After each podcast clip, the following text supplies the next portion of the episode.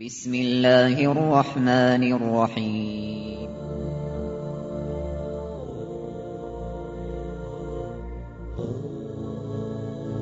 الرحمن العزيز الرحيم القوي السلام الكريم العظيم البصير العليم الحكيم الجبار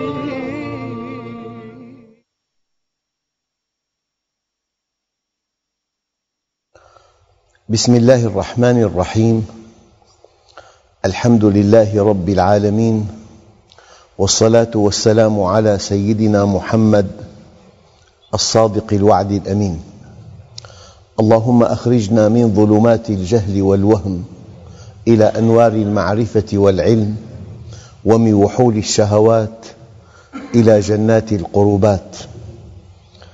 أيها الإخوة الكرام مع اسم جديد من أسماء الله الحسنى والاسم اليوم الشكور.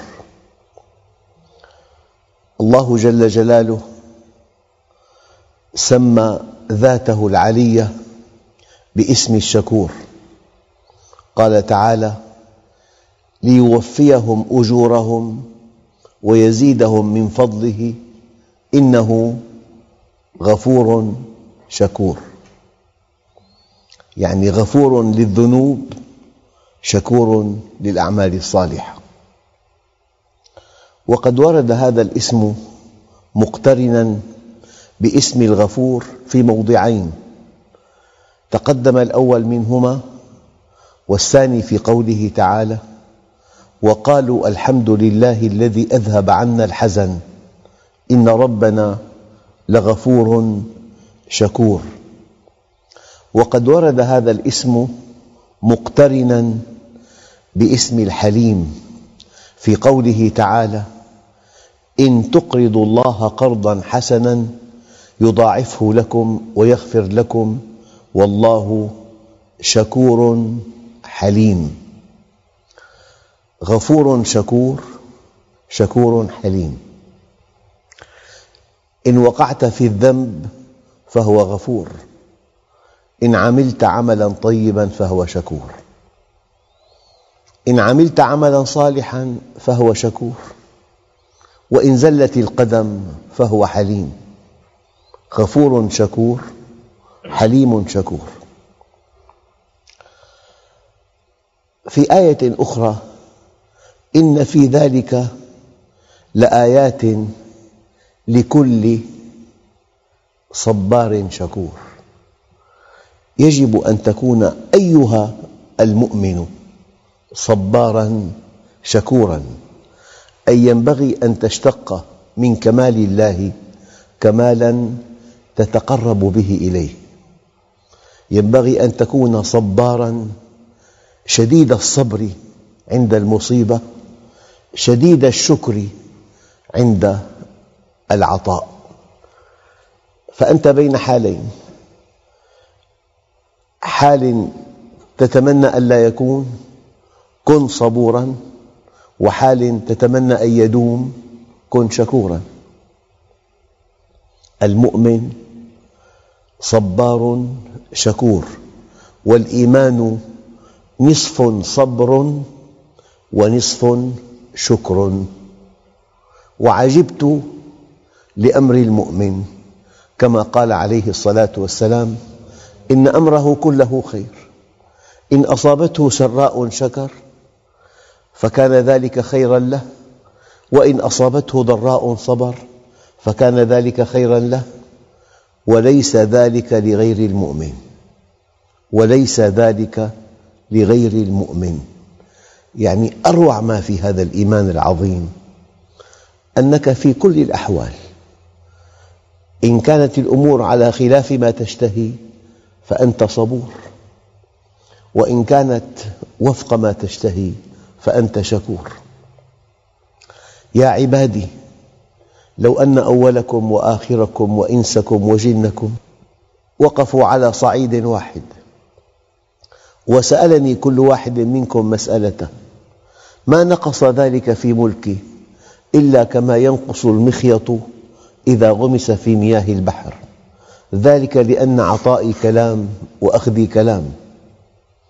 فمن وجد خيراً فليحمد الله شكور. ومن وجد غير ذلك فلا يلومن إلا نفسه صبور.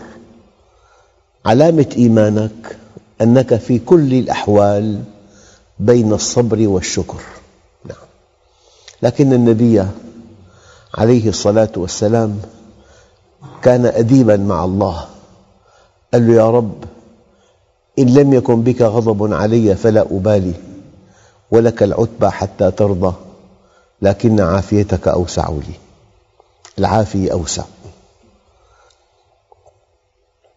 أيها الإخوة من كان يريد العاجلة الإنسان مخير والعاجلة هي الدنيا. من كان يريد العاجلة عجلنا له فيها ما نشاء لمن نريد لحكمة بالغة بالغة. ثم جعلنا له جهنم يصلاها مذموما مدحورا. ومن أراد الآخرة وسعى لها سعيها وهو مؤمن فأولئك كان سعيهم مشكورا. الآن دقق. كلا نمد هؤلاء وهؤلاء من عطاء ربك وما كان عطاء ربك محظورا. أنت مخير اطلب ما شئت. ولكن الله سبحانه وتعالى لا يتعامل بالتمنيات يتعامل بالصدق.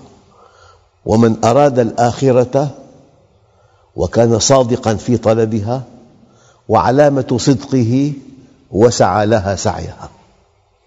وهو مؤمن فأولئك كان سعيهم مشكورا.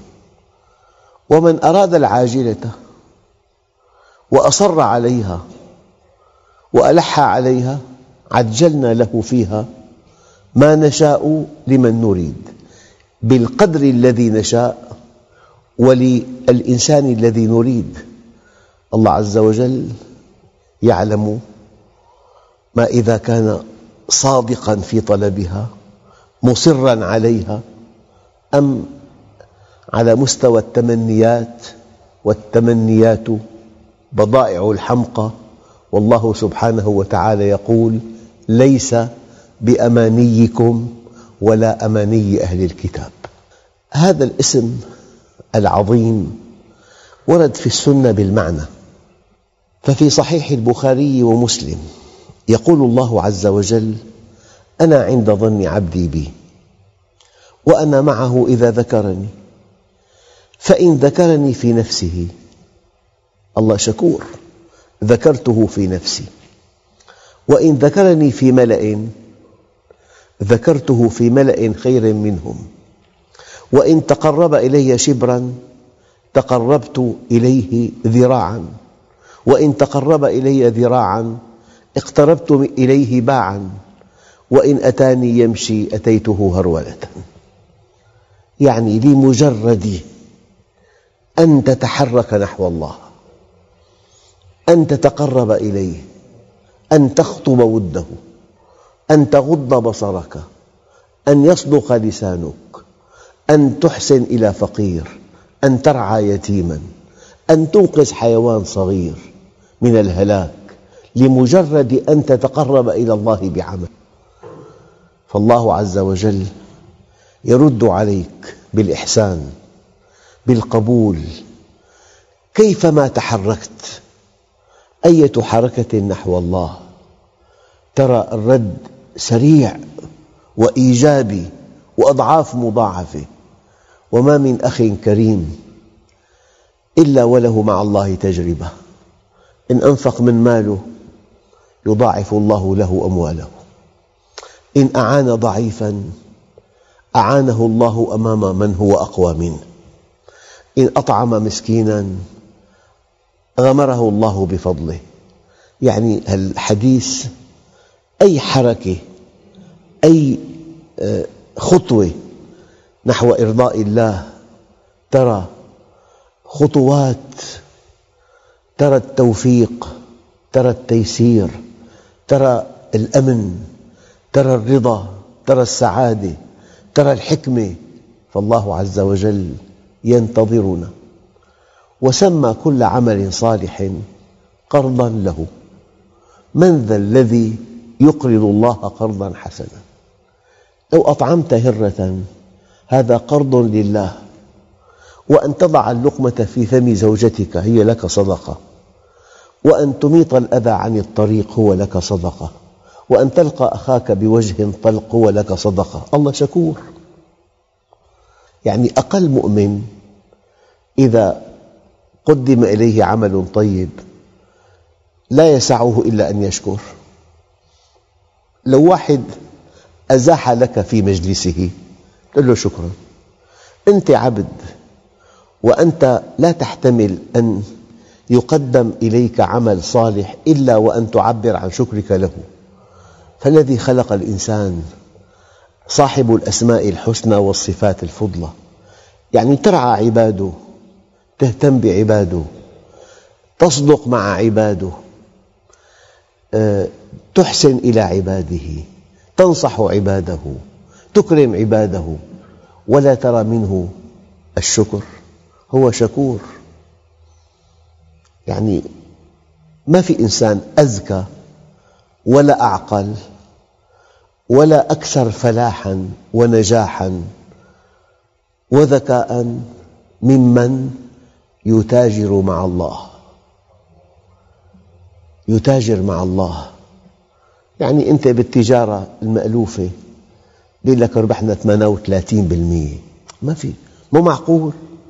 الأرباح 12 13 9 8 7 5 أحيانا.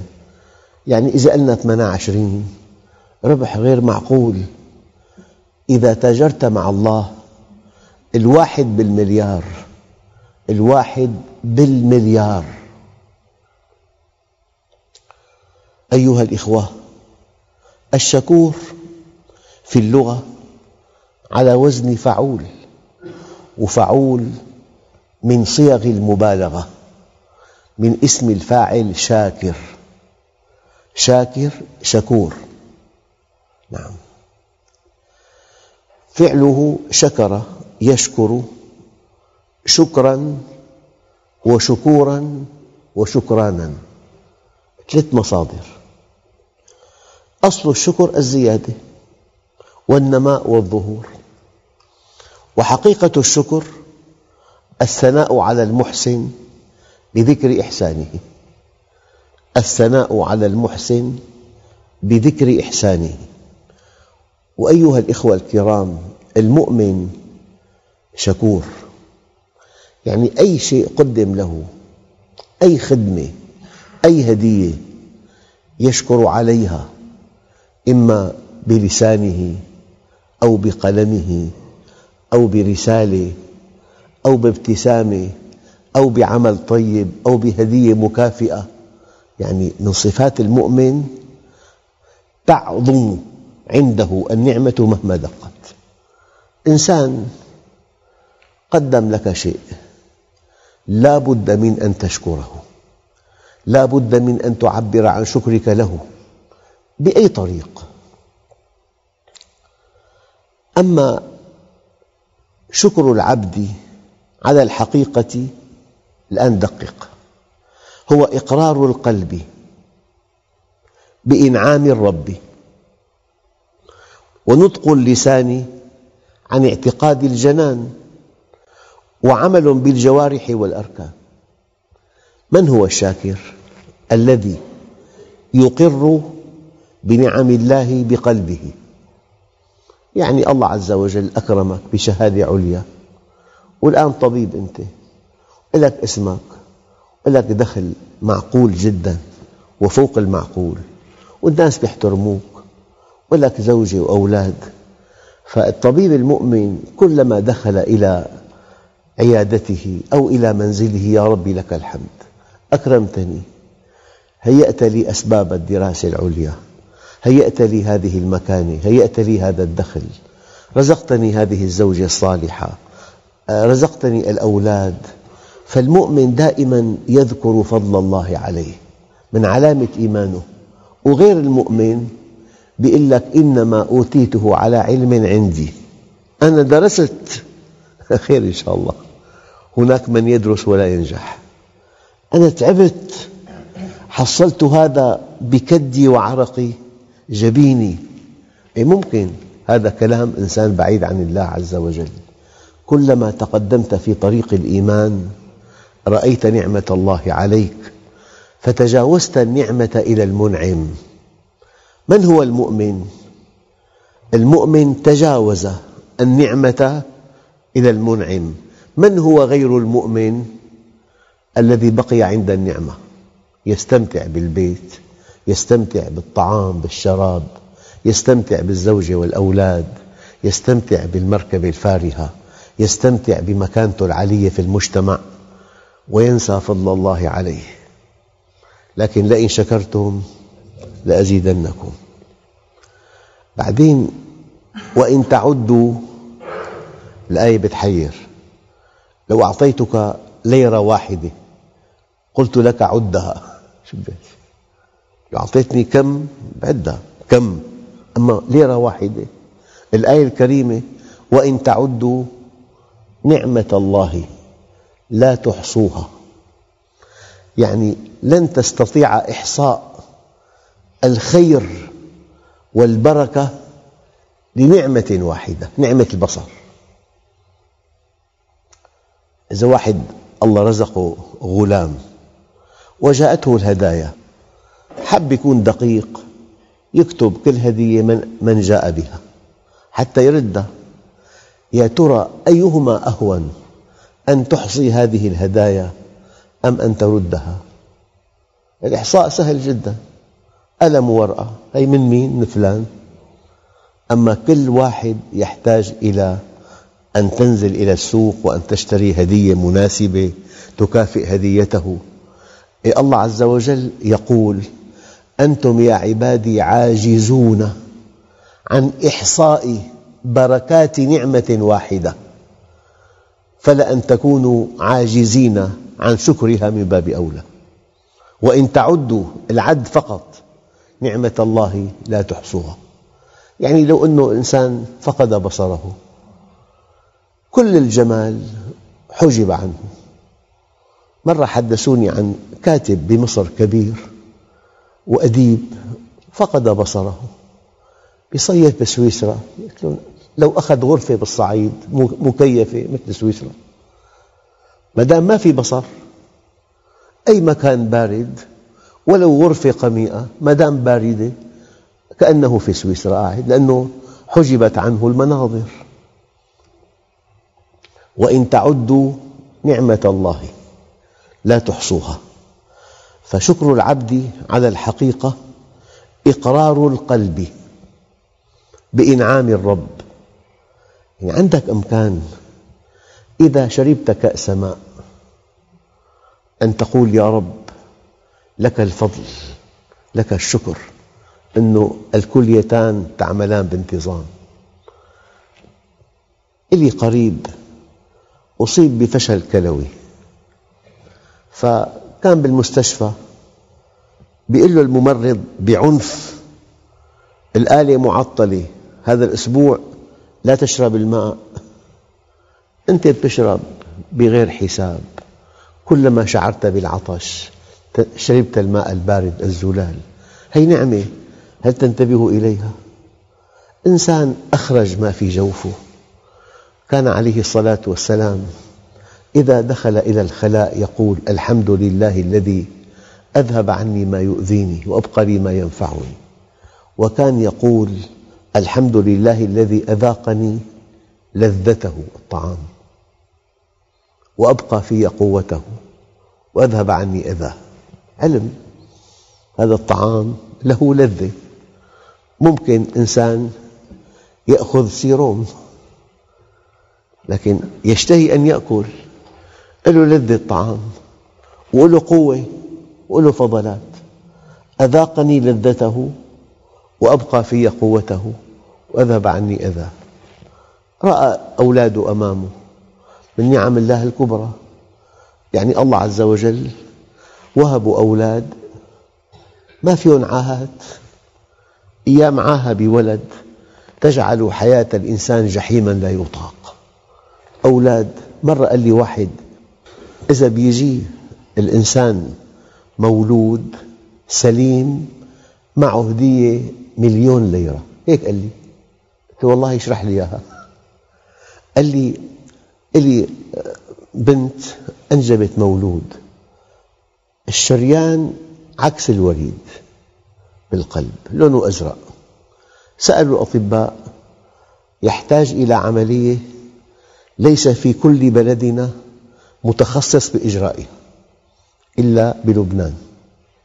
طلب الطبيب أربعمئة ألف والمستشفى ثلاثمئة ألف والسيارة خمسين ألف.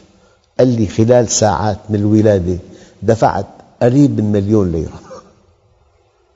يعني إذا أجاك مولود سليم هذه نعمة لا تقدر بثمن. لك زوجة صالحة. يعني الله يعين اللي عنده شك بزوجته.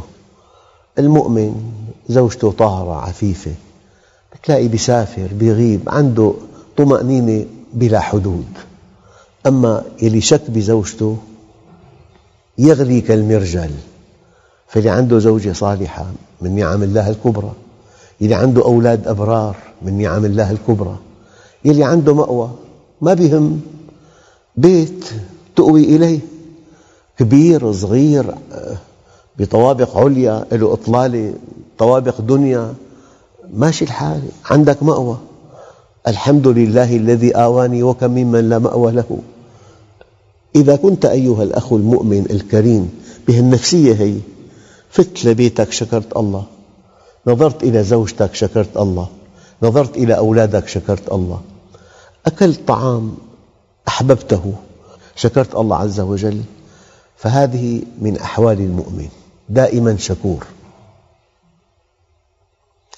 إذا شكر العبد على الحقيقة إقرار القلب بإنعام الرب ونطق اللسان عن اعتقاد الجنان وعمل بالجوارح والأركان.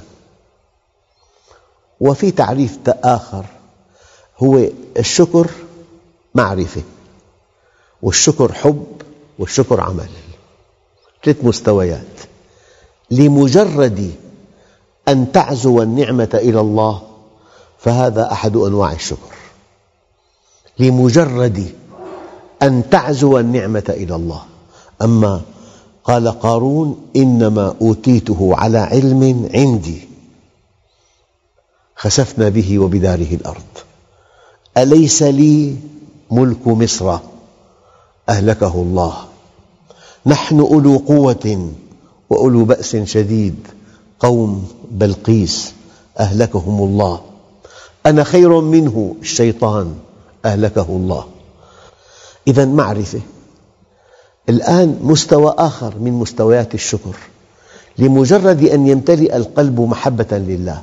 على هذه النعمة هذا مستوى أرقى. أول مستوى أن تعزو النعمة إلى الله. المستوى الثاني أن يمتلئ القلب محبة لله.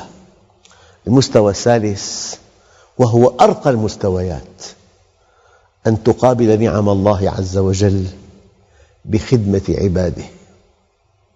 أن تقابل نعم الله عز وجل بخدمة عباده أن تنصحهم أن تحسن إليهم أن تخلص لهم أن ترعى فقيرهم أن تعين ضعيفهم أن تطعم جائعهم.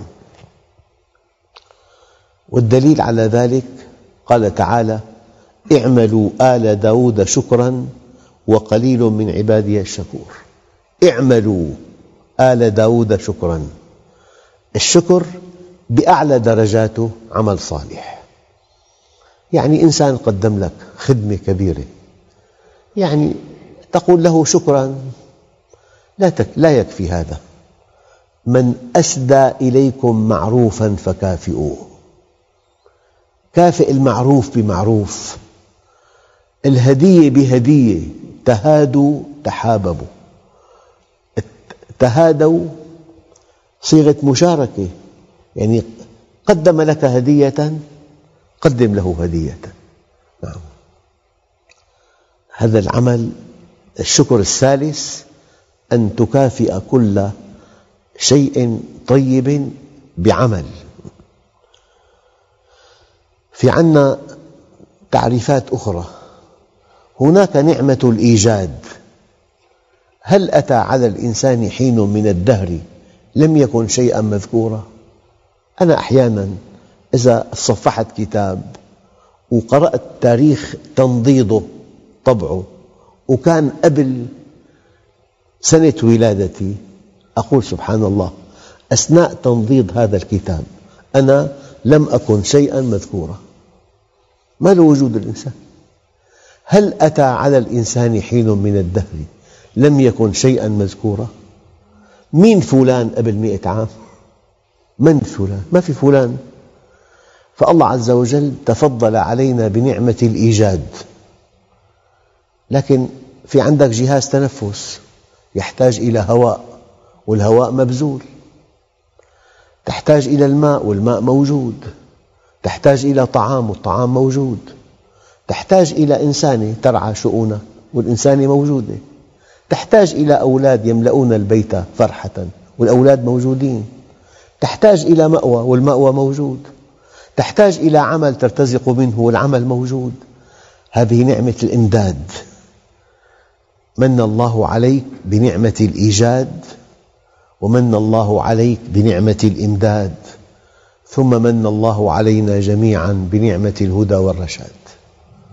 أرسل أنبياء أرسل كتب أرسل رسل نصب لك الآيات الدالة على عظمته. يعني هداك بأساليب لا تعد ولا تحصى. فنعمة الإيجاد ونعمة الإمداد ونعمة الهدى والرشاد. لكن أكبر نعمة على الإطلاق وعلمك ما لم تكن تعلم وكان فضل الله عليك عظيما. لو قال لك طفل معي مبلغ عظيم كم تقدره؟ بمئتي ليرة. أبوه مدرس وجاء العيد وتلقى هبات من أقربائه جمعهم بمئتين ليرة. مبلغ كبير. قال لك معي مبلغ عظيم. لأنه طفل كلمة عظيم من طفل تعني مئتي ليرة. وإذا قال لك مسؤول كبير بالبنتاغون أعددنا لهذه الحرب مبلغا عظيما يعني 200 مليار دولار. الكلمة نفسها قالها طفل فقدرتها بمئتي ليرة وقالها مسؤول كبير في دولة قوية قدرتها بمئتي مليار. فإذا قال ملك الملوك ومالك الملوك وعلمك ما لم تكن تعلم وكان فضل الله عليك عظيما. يعني أكبر نعمة أن تعرف الله. إنك إن عرفته عرفت كل شيء. وإن فاتتك هذه المعرفة فاتك كل شيء. ابن آدم اطلبني تجدني فإذا وجدتني وجدت كل شيء. وإن فتك فاتك كل شيء. وأنا أحب إليك من كل شيء. والحمد لله رب العالمين. بسم الله الرحمن الرحيم. الحمد لله رب العالمين والصلاة والسلام على سيدنا محمد الصادق الوعد الأمين. اللهم أعطنا ولا تحرمنا أكرمنا ولا تهنا آثرنا ولا تؤثر علينا أرضنا وارض عنا. وصلى الله على سيدنا محمد النبي الأمي وعلى آله وصحبه وسلم. والحمد لله رب العالمين الفاتحة